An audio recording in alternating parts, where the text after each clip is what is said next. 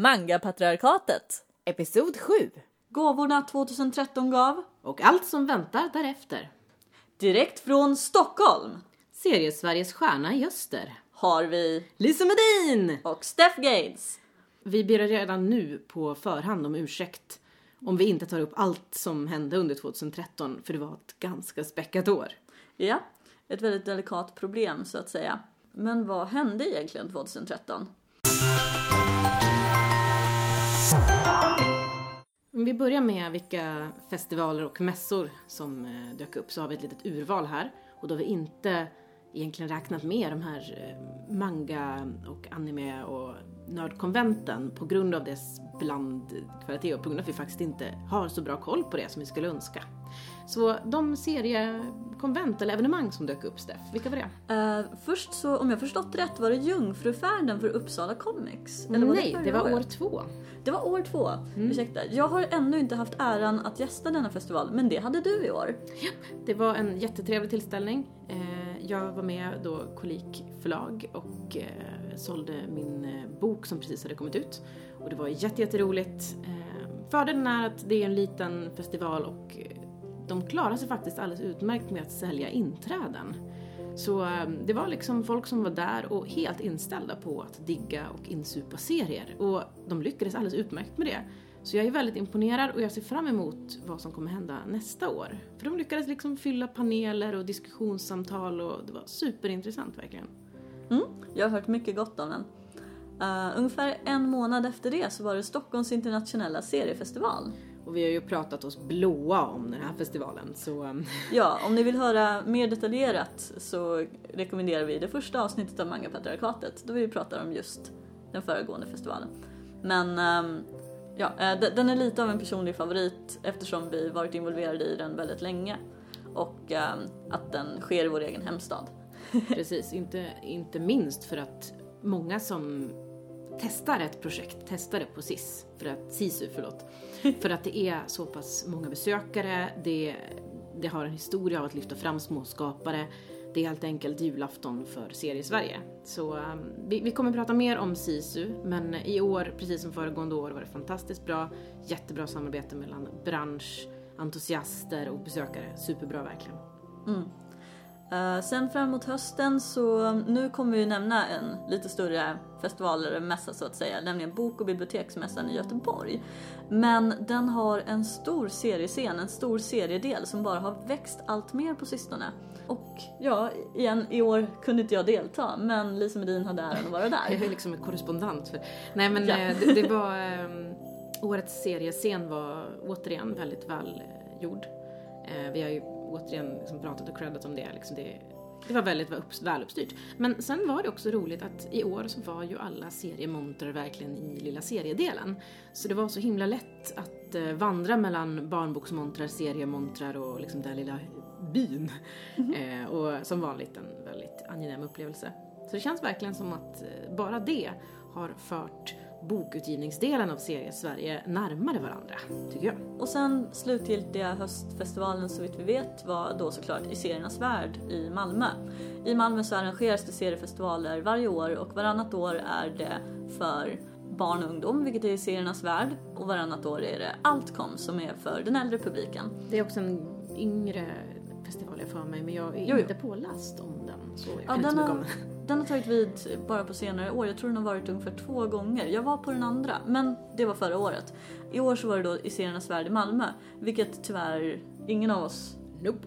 deltog på. Nope. Men de var väldigt informativa på internet. De har en egen hemsida där de visade precis allt som skulle hända. De hade en stor tävling som de utlyste, vilken vi kommer återkomma till senare.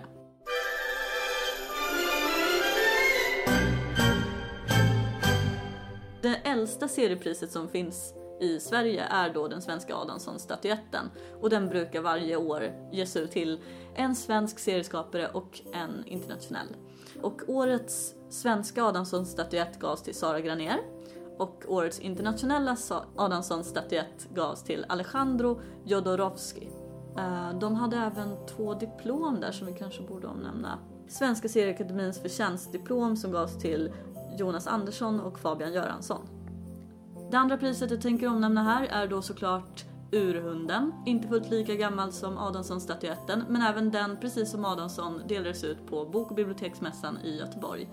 Det Urhunden gör är att eh, den ger pris för seriealbum som getts ut föregående år. Och eh, 2013 års pris för 2012 års bästa originalsvenska seriebok gick till Smålands mörker av Henrik Bromander. Priset för bästa svenska översatta seriebok går till Idag är sista dagen på resten av ditt liv av österrikiska Ulli Lust. Specialpriset eh, Unghunden för främjande av barn och ungdomsserier i Sverige gick till eh, Joakim Gunnarsson och Johanna Kristiansson som eh, har skapat serien Katten Nils. Och apropå unghundar eller främjande av barn och ungdomsserier så kommer vi nu åter till I seriernas värld och deras stora serietecknartävling med serier för barn och ungdom. Första priset gick till Elias Eriksson Andra priset gick till Sissel Gustafsson. och tredje priset gick till Elias Olsson. Sen eh, så kan vi också passa på att rabbla lite nämnvärda album som kom ut 2013. Eh, och här slänger vi också in en brasklapp att vi har delvis inte hunnit läsa alla album som kom ut under 2013. Och delvis så är det alltid album som glöms bort i statistik och sammantagningar. Så om någonting inte omnämns här så var det inte för att det är ointressant. Utan för att vi helt enkelt inte kan ta upp allt. Så med detta i åtanke, här är ett väldigt, väldigt eh, slumpmässigt urval saker som vi har tagit upp. Först vill jag omnämna att den sista boken av Zorn och Dierna kom ut. Det är dock inte ett svenskt album utan det är av Albumförlaget utgivet en återkommande publicering med en sorts fantasyserie som jag tycker att alla bör kolla in för den är väldigt intressant. Eh, jag har ju min personliga preferens att jag tycker det är intressant att prata om originalalbum just för att det är nu vi liksom skapar det som ska definiera svenska serier. Det är nu vi hittar vår röst och eh, skapar en marknad med liksom våra berättelser. Det tycker jag är intressant. Eh, men Med detta sagt så tycker jag det är väldigt roligt att de tar in en massa översatta album, massa vackra, roliga, spännande grejer från olika länder. Eh, Så jag tycker verkligen att det är värt att plocka upp och jag tycker det är storslaget av alla de här nya förlagen som ploppar upp att de ger ut saker de gillar. Eh, Ganska tidigt på året så släpptes också Medley en ny våg. Jag kan inte uttala mig för jag har gjort medley i ny våg. Ja, så här, vi kan inte prata så mycket om detta eftersom eh, dels Lisa har gjort själva boken och jag har väl varit lite med på produktionen av den på ett, snäpp, på ett litet hörn i och med att vi är goda vänner också. Eh, Steff har gjort en del, vad ska man säga? Ett fåtal små Ja. skisser till bakgrunder. precis. Men- Så jag har ju, det finns ju avbildad på vad är tredje sista sidan i boken så finns det en bild av mina soldater, mina Wave-soldater och då har jag avbildat bland annat Steff.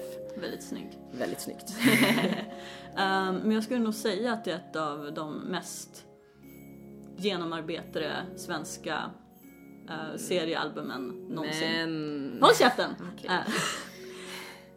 annat värt att nämna, Den maskerade proggarens oändliga jam-session. Jag skäms över att jag fortfarande inte läst detta men det var... Alltså själva albumet hade ett hejdundrande trevlig release um, föreläsning på serieteket, eller rättare sagt biblioteket Plattan. Så jag är väldigt förtjust i denna gamla klassiker och allt bakom den. Um, spana in den om ni får chansen. Ja, jag gillar ju den maskerade proggaren men jag har helt missat det här så det, det ska bli kul att kolla upp. Eh, något annat som kan vara värt att titta upp eh, är ju eh, Transit av eh, Malinda Marcus Linda, Basen. Bensen Lindmark. Det här är ju intressant för att eh, det här är någonting som pågått i ett par år, ett projekt där, eh, där Malinda helt enkelt har pratat med en massa olika tecknare och fått dem att illustrera hennes olika faser i helt enkelt Malindas egen berättelse. Och det här skulle ju kunna bli fullkomlig pannkaka om man får vara ärlig. Det skulle ju kunna ha blivit liksom helt kaosartat. Eh, och det finns ju liksom inga garantier när det finns så många olika kreativa inriktningar. 27 olika tecknare och kapitel för en lång berättelse av samma manus. Och det är ju klart att liksom, det finns ingen garanti att det blir bra. Men den här boken blev verkligen otroligt intressant för att till att börja med så tycker jag liksom att albumet känns väldigt gediget och roligt och saftigt när man bläddrar igenom det. Och sen så har alla de här tecknarna verkligen gått in och tagit sin bit av berättelsen och gjort den till sin. Så jag blev verkligen helt golvad. Jag tyckte det var schysst. Ja, tackar. Här, Ja just det, så är det väldigt någonting- snyggt, snyggt omslag också, ja, Steph men. Tack så mycket. Det känns lite som att jag inte kan nämna riktigt så mycket om det i och med att jag var lite med i produktionen då jag gjort omslaget och sen också feedbackat fram med de olika tecknarna. Och eh, Malinda själv då. Men eh, ja, jag tycker det blev riktigt fint. Sen eh, vill jag prata väldigt gott om Det bästa barnet av Sofia Olsson. Och jag har ju sökt upp varenda intervju på hela internet och varenda radioinslag om den här boken. För att jag tycker, jag har verkligen peppat inför den. Jag har fortfarande inte lyckats läsa den. Du kommer få låna mitt exemplar för att jag köpte den någon morgon när jag var på väg hem från eh, nattjobbet och kunde liksom inte riktigt släppa den. Den var som ett knytlävslag i magen. Hon är... Det är en väldigt unik berättelse för att den berättar eh, ja, om ett par som försöker skaffa barn och all Allt går åt helvete. allt, ja, allt går åt helvete så, så som eh, ja, men mitt intryck av olika komplikationer som ibland kommer runt den tiden och hon är så fruktansvärt ärlig och pratar direkt till läsarna och lämnar ut så många delar som eh, berör en på ett väldigt djupt plan. Jag rekommenderar den här boken för den är verkligen den berättar någonting som man annars kanske inte alltid får ta del av och den berättar den på ett väldigt unikt sätt. Sen har vi ju andra intressanta, och nu kommer jag bara rabbla ett gäng. Nattbarn. Eh, Den eh, är rätt intressant, hade mm, lite, lite produktion i samarbete med Konstfack också, en utställning runt detta när de byggde själva nattbarnet så att säga. Eh, det är en väldigt bra berättelse också som tar lite av en unik take på en viktig berättelse. Sen har vi Piracy is Liberation, volym 1, Only Sinners Disobey. Och det enda jag vet om den här är ju såklart att det är den tjockaste boken jag sett på år och dag känns det som. Det är hela Piracy is Liberation, ja, i första volymen då. Eh, och den är helt enorm och den är ju liksom, vad ska man kalla den? Small press från början. Den är väl utgiven via... Ja, alltså Mattias Elftorp har gett ut denna väldigt länge eh, i små korta eh, avsnitt som också går att ladda ner på, eh, på internet. Men det här är den första tjocka samlingsvolymen med betoning på tjock. Väldigt stor bok. Ni som beställer den och kanske måste gå och hämta den på ett postutlämningsställe, ni kan behöva ta med en skottkärra. Nej, ja. Sen har vi Deus Ex Machina, Fadern. Och det här är då den första Teo-albumet, alltså Teos okulta kuriositeter av Ola Skogäng, som man gör i samarbete med eh, Tolin.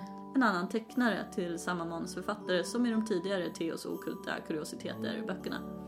Eh, och ja, det, vad ska man säga, den, eh, det är ju liksom en Teo-bok och som sådan är den väldigt eh, spännande och sådär.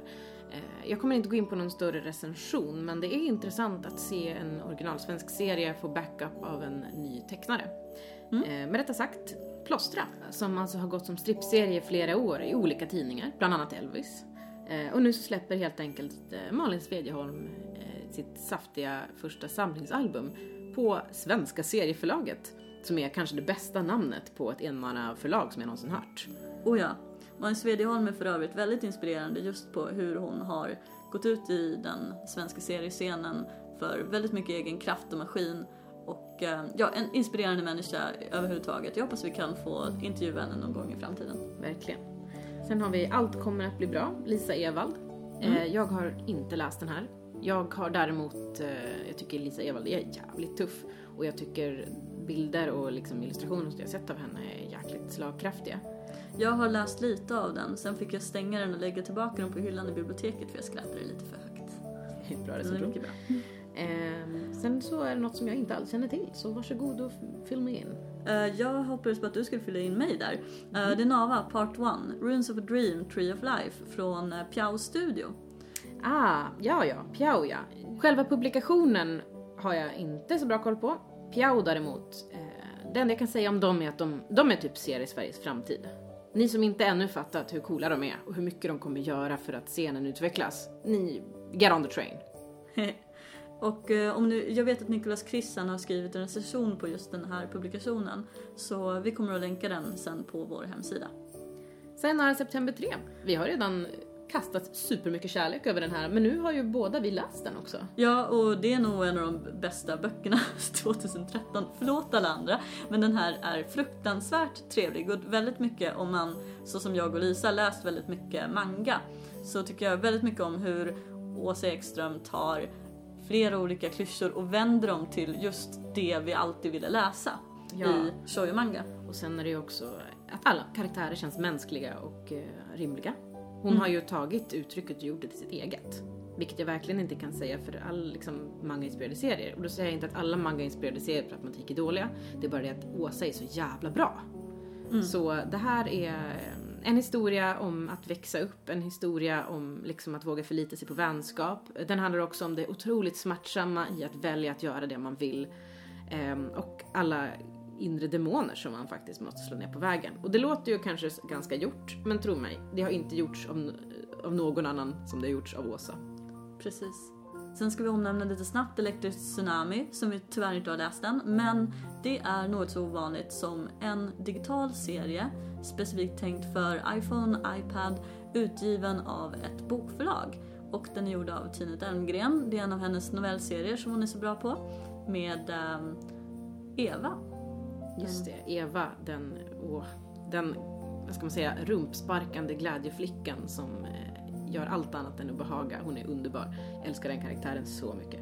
Oh yes. Eh, men det är så roligt just för att, som du sa, det är ett bokförlag. Mm. De ger ut den bara som en digital utgåva. Det känns på något sätt både exklusivt och fräscht utan att jag kan förklara det. Men den här, den är alltså specialutgiven som en egen liksom, e-bok. Det görs inte ofta just på det här sättet. Just att den originalutgåvan är den digitala utgåvan.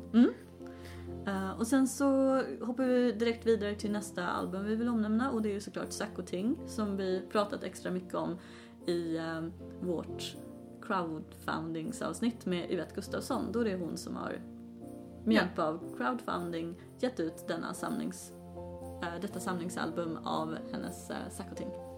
Eh, och ja, vi har ju redan pratat ganska mycket om den, men eh, kort och gott, eh, det är människor, enskilda personer, som har fått den här serien att existera i fysisk form.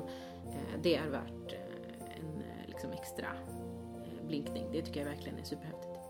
Sen har vi Åror. Ja, debutalbumet för Elias Eriksson eh, som är en väldigt hjärtklamrande historia om att växa upp som trans. Och eh, det här är något ja, men väldigt unikt och fint initiativ som, eh, alltså dels är det en väldigt bra serie, hjärtvärmande på många sätt, men så berättar den också saker från ett perspektiv som många cis-personer, det vill säga folk som har fötts med det kön som de sen, Identifiera sig med. precis, liksom missar totalt. Det här är ett väldigt viktigt album och jag tycker att alla ska läsa det. Mm. Så kudos till Galago. Sen gav um, en, en av våra kanske mest kända svenska serieskapare, Martin Kellerman, gav ut sitt andra samlingsjubileumsbok över, ja, alltså en riktigt extra tjock rockutgåva. Um, med serier från 2008 till 2013. Det som är roligt med Rocky som vanligt är ju att eh, folk som inte läser serier läser Rocky. Ja. Man missar liksom att det är en serie, I guess. Men eh, det är ju helt enkelt för att Rocky fortfarande efter alla dessa år har en himla eh, frän dragningskraft och är bra på att porträttera situationer. Sen är smaken som baken och det kommer det alltid vara. Men det, det är intressant att den tuffar på och att den fortfarande drar en så stor publik. Mm. Sen har vi en annan kär serieskapare som har eh, verkligen skjutit upp på den allmänna, det allmänna medvetandet väldigt mycket. Och det är ju såklart då Lina Nidenstams Zelda som då kom ut med ett sommaralbum, Sex Out West. Mm, Med en massa andra serieskapare. Ja precis, som en slags tidning ehm, i stil med Rocky-serietidningen fast eh, istället med inriktning på Zelda och ett gäng andra serieskapare med lite samma inflytande. Till, till exempel Lisa Evald, Frida Ulvegren och Ellen Ekman som då ligger bakom Metro-serien Lilla Berlin. Så det här är ju väldigt eh, rolig och framförallt alltså, det kanske inte låter som en grej eftersom att eh, det är väldigt många kvinnliga serieskapare som mer eller mindre har tagit över den kommersiella marknaden. Men det är fascinerande att det är ett magasin som släpps i stor skala, stor kommersiell skala för en gigantisk publik. Säljer tydligen rätt bra. Eh, så det är anmärkningsvärt och bör lyftas fram. Tack Egmont! Sen har vi Bläckmossens samlade äventyr, volym 1. Ja, alltså för att ta vissa frågetecken här. Jo, Bläckmossen har släppt ett album tidigare, men det var ett fristående album och i det här fallet så har de tagit det som jag och Lisa har väntat väldigt mycket på. Ja, ni som har följt oss sedan våra Malmödagar då jag och Steff eh, fusionerade våra livmödrar eh, och blev en person. Ni vet att vi har en grej för Håkan från Bläckmossen. Här Det- skapades Håkan. Det är alltså typ en av de bästa karaktärerna i... eh, Ja, eh, vi tycker väldigt mycket om karaktären Håkan från Bläckmossen Boys. Vi är väldigt glada över att någon äntligen har, eller att det äntligen har getts ut ett samlingsalbum när vi får se hans gloriosa första inträden i våra liv på Eh, en bok. Och eh, det här, det här är ju liksom old news för er som läst eh, när vi, var, när vi bloggade under Forte då. Men eh, det här är alltså inte äventyren som Kokaj Mak illustrerade utan det här är Carolina Stårberg och framåt. Så det betyder att eh, alla karaktärer återintroduceras eftersom att de tecknas med en ny design. Och det gör att även om du inte läst Kokajs tidigare eh, kapitel så kommer du kunna hänga med. Och det tycker jag är lite kul. Eh, plus Håkan. Och absolut Håkan och framförallt Håkan. Och så ej att förglömma Håkan. Sen ska vi också nämna Alternativet av Carolina Bong. En, eh, ett seriealbum som omnämner lite andra alternativ än familjebildning på det vanliga eh, heteronormativa monogama varianten. Precis, och det här är ju intressant. eh, Dels för att den kommer ut samma år som eh, Det bästa barnet. Som verkligen visar den här smärtsamma resan till att bli förälder på biologisk väg.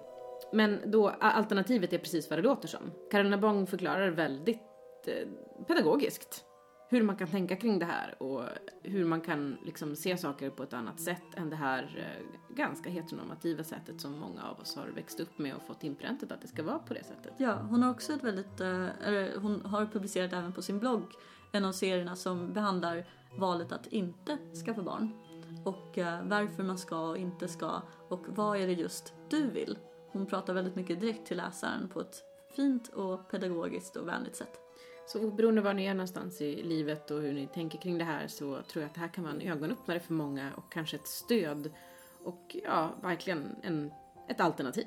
Ja, Vidare har vi, Fridas resor. och det här har varit en otroligt omtalad bok, eh, Snackis i medierna. Och här Ja, ni kanske har säga- sett Frida i TV. Hon är precis lika trevlig som man, hon uppfattas i TV-soffan. Verkligen. Eh, och eh, ja, den här boken återigen eh, har ju potentiellt stor läsarskara av icke-serieläsare som då på ett väldigt effektivt och bra sätt kan luras in att bli serieläsare utan att de märkte det ens. Ja. Eh, Fridas resor är, eh, vad ska man säga, hennes stil är väldigt eh, cartoonig och rolig samtidigt som hon tar upp ganska oh, eh, svåra saker. Det handlar återigen om att växa upp men eh, att göra det med en modellagentur i ryggen som berättar hur man ska vara och mäter ens bara tonårsbröst och ja. Ja. Ehm, så lite av information om uh, modevärlden, hur själva den industrin fungerar. Mycket om hur det är att vara ung och möta livet så att säga. En väldigt bra bok på många sätt. Sen har vi också Tago, en sprillans ny antologi från eh, Kartago. Kartago. Och det här är ju roligt för att eh, det känns lite som att, och nu kanske jag talar utanför min comfort zone, men det känns lite som att Roffe har sett att serie Sverige är på G och gör grejer och det här känns väldigt inspirerat av de senare årens eh, mer och mer sprudlande utgivning. Ja, Tago är väldigt intressant som så också för att den har dels ja, men väldigt många nya serieskapare. De uppmuntrar nya serieskapare att söka sig till dem också. Men de har också väldigt gamla saker och liksom de har tagit original som de har hittat på Bonniers kontor från nu döda serieskapare som betyder mycket för historia. Det är väldigt delikat. Detta tillsammans med det här att eh, helt nya serieskapare Mm. eh, har mixats in i eh, ja, mixen. Jag ser otroligt mycket fram emot vad som ska hända härnäst. Den kommer släppas årligen så håll koll på den och för all del skicka in. Ja, just det. Deadline är i februari va? Ja, den första februari. Mm, så det, ni har eh, lite tid kvar fortfarande. Mm. Skicka in era bästa serier, bli en del av seriehistorien. Kör hårt.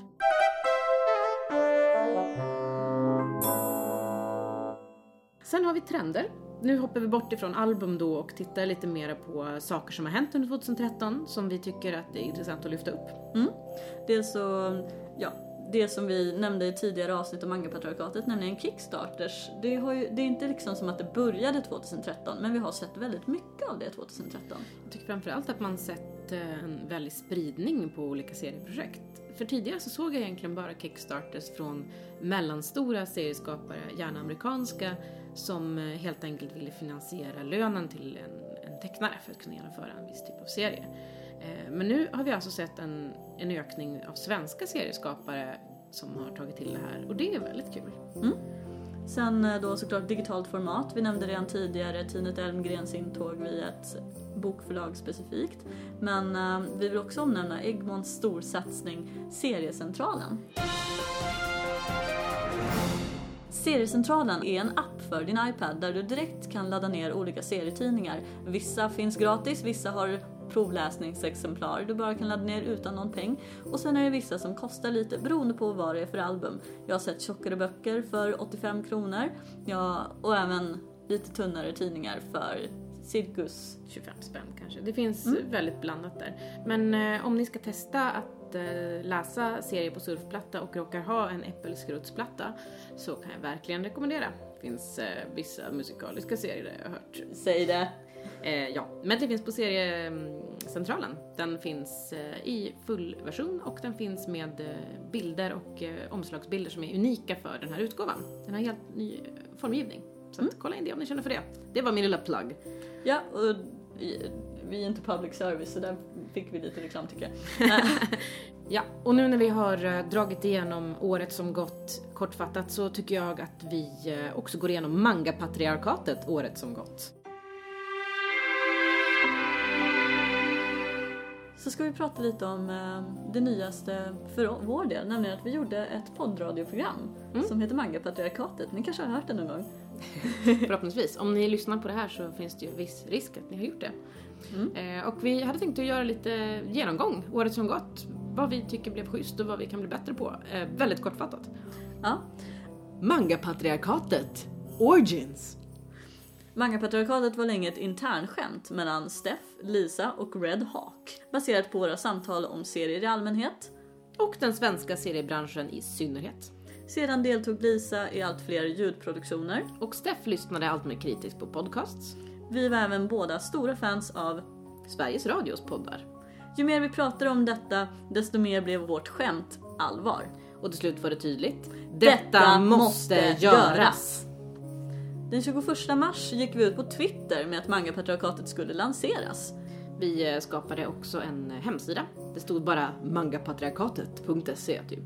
Och så var det nedräkning så att alla skulle veta att strax kommer någonting jättehäftigt att hända. Precis och eh, jag tror vi fick upp en ganska bra buzz för när det väl var dags så ja, vi spelade in det strax efter Stockholms internationella seriefestival. Eh, och sen så släpptes det den första juni så det var ju lite mer än en månad i produktion för vi var tvungna ja. att lära oss allt från grunden. Jo, och sen så använde vi också den här månaden till att hypa väldigt mycket. Berätta att vi kommer att släppa det, det kommer att hända i sommar. Vi sa alltid denna sommar! Denna sommar är en väldigt viktig pusselbit. Mm. Eh, och ja, vi måste gjort någonting rätt för att vi fick väldigt bra pepp och stöd i sociala medier. Eh, och eh, just nu när vi spelar in det här så har det första avsnittet lite över 750 lyssningar. Unika lyssningar då till, tilläggas kan. Eh, och omslaget gjordes... Samt vår bestående logotyp. Gjordes av M. Falke. Fantastisk tecknare. Senare samma månad, lagom till midsommar, den 22 juni, släpptes Episod 2.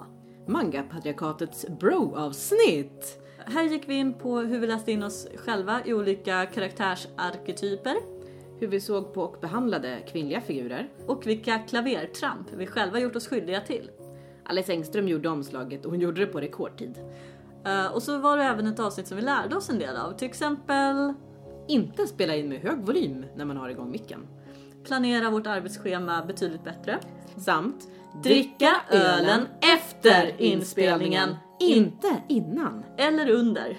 Jag, jag vill mm, bara liksom mm, omnämna, de enda som faktiskt kan dricka alkohol under sina seriepoddinspelningar är hög av serier. Mm, de har gjort det till en grej. Vi tänker inte göra det till en grej. Nej.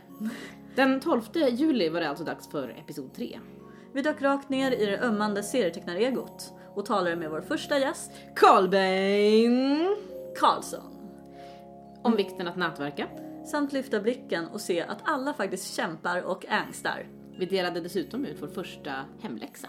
Uh, vår första hemläxa ja. Uh, och vi fick faktiskt en del gehör på detta men vi har tyvärr inte lagt upp det på hemsidan än men det kommer att komma. Stina Löfqvist gjorde omslaget till det här avsnittet. Efter ett sommaruppehåll var det dags för höstsäsongen att ta vid. Fredagen den 13 september kunde ni höra episod 4 med vår gäst Yvette Gustafsson. Som en virvelvind kom hon in i våra podcastliv och lärde oss allt om crowdfunding. Och saker att se upp med. Omslagsbilden gjordes av Sofia Falkenhem. Sen ska tilläggas också här att eh, vi är fullt medvetna om att vi inte gjorde en särskilt kritisk genomgång. För det finns problem med crowdfunding. Framförallt i liksom, hur det offentliga kulturlivet ska liksom, behandlas och så vidare. Men ja, eh, jag kan säga att eh, vi ber om ursäkt för att vi kanske inte var tillräckligt ingående där. Men vi ville fokusera på Yvettes resa. Strax efter det här avsnittet så tog vi in en separat klippare. In, Mark Gaines. Ja, som även har gjort vår jingel. Eh, och ja, hans... eh, det här med att han råkar heta samma efternamn som mig har eh, tyvärr inte att göra med att det finns många gainsare i Sverige. Det finns inte sådär jättemånga. Hade det inte varit lite roligt däremot om vi hittat honom genom att kolla i telefonkatalogen efter Ja. folk som heter Gaines och jobbar med klippning? Det hade varit extremt roligt. Eh, nej, det är min ena lillebror. Han sysslar en del med ljud och har gått en ljudutbildning så därför tyckte vi att det kunde vara en bra idé att ta in honom. Dels till ingen men sen också till att klippa våra avsnitt. Våran workforce växer och växer. Mm. Till, tidigare så hade vi delat upp klippningen emellan oss och suttit i eh, garageband. Mm. Men nu så är det Logic som gäller tror jag. Ja. Nu då, lagom till bokmässan den 25 september så släppte vi episod 5 Det stora bokmässaavsnittet med vår gäst Stina Löfqvist. guidar vi dig igenom mässan, lär dig tips och tricks och tar in Yvette Gustafsson. som mingelexpert.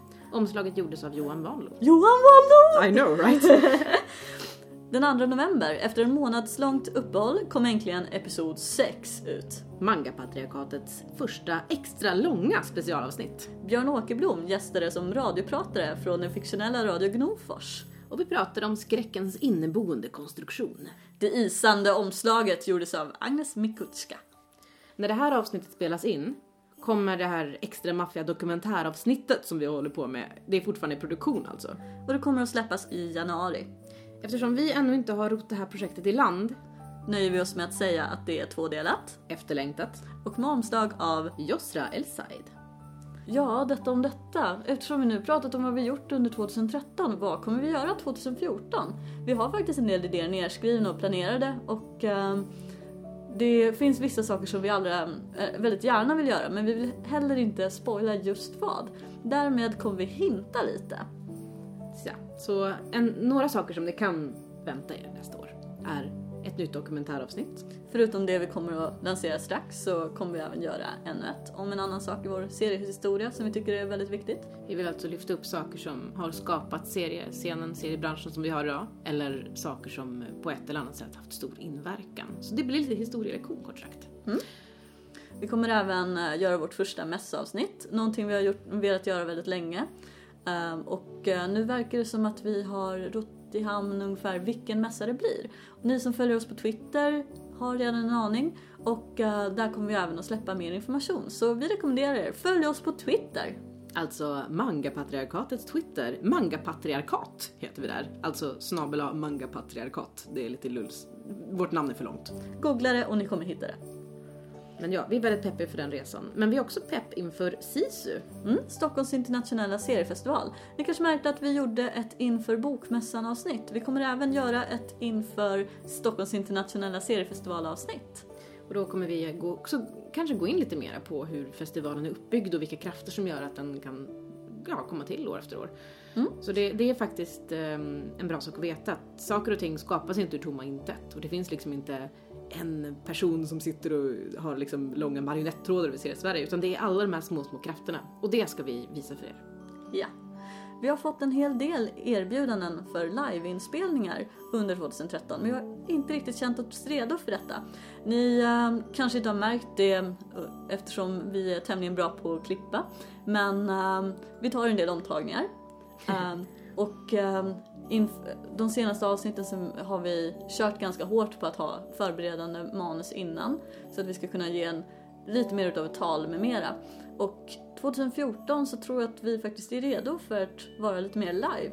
Och det är inte bara en plats som vi kanske kommer dyka upp på. Ja, eh, vi håller på att snacka lite fram och tillbaka men vi är otroligt, gud vi ser så mycket fram emot för det här. Eh, och vi hoppas också att så många som möjligt av er som lyssnar har möjlighet att dyka upp när vi faktiskt genomför det här live. Ja, jag tänker sitcom. Ni ska vara en jättebra studiopublik.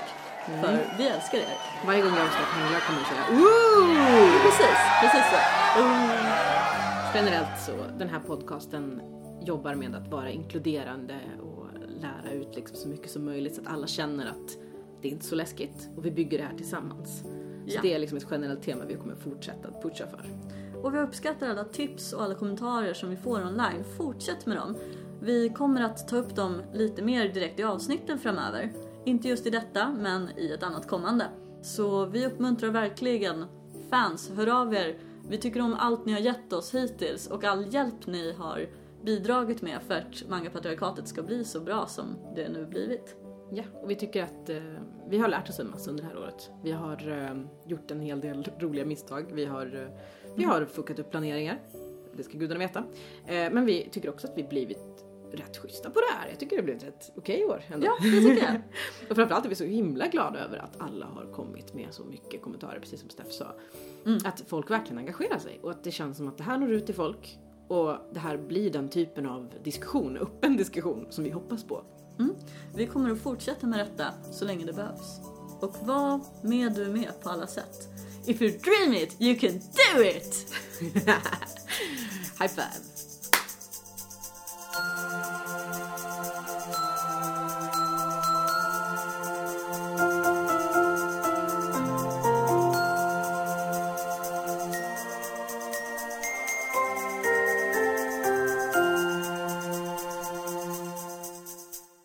Du har lyssnat på Manga-patriarkatet. episod 7. Av och med Lisa Medin och Steph Gaines. teknik från Olof Falk. Klippning av Mark Gaines. Glöm inte att ranka oss på iTunes Store, Hör av er på Twitter Facebook, eller varför inte vår hemsida. mangapatriarkatet.se. Jag vill eh, avsluta med att citera Mats Jonsson, en av förläggarna på eh, Galago. Nu är det ingenting roligt längre. ja precis, nu är ingenting roligt längre ett annat trevligt citat av honom. Eh, Men han nämnde i förbifarten att serier i Sverige, eller den svenska seriebranschen, har börjat sluta vara underdogs. Vi börjar tas upp i allt mer seriösa teman som mer publikationer än bara poff, pang, crash. Liksom. Ja, eh, och eh, det här är någonting som vi kan jobba vidare med allihopa. Så vad är nästa steg? Stay tuned! Ja, Stay tuned! Eller nej, för all del, delta.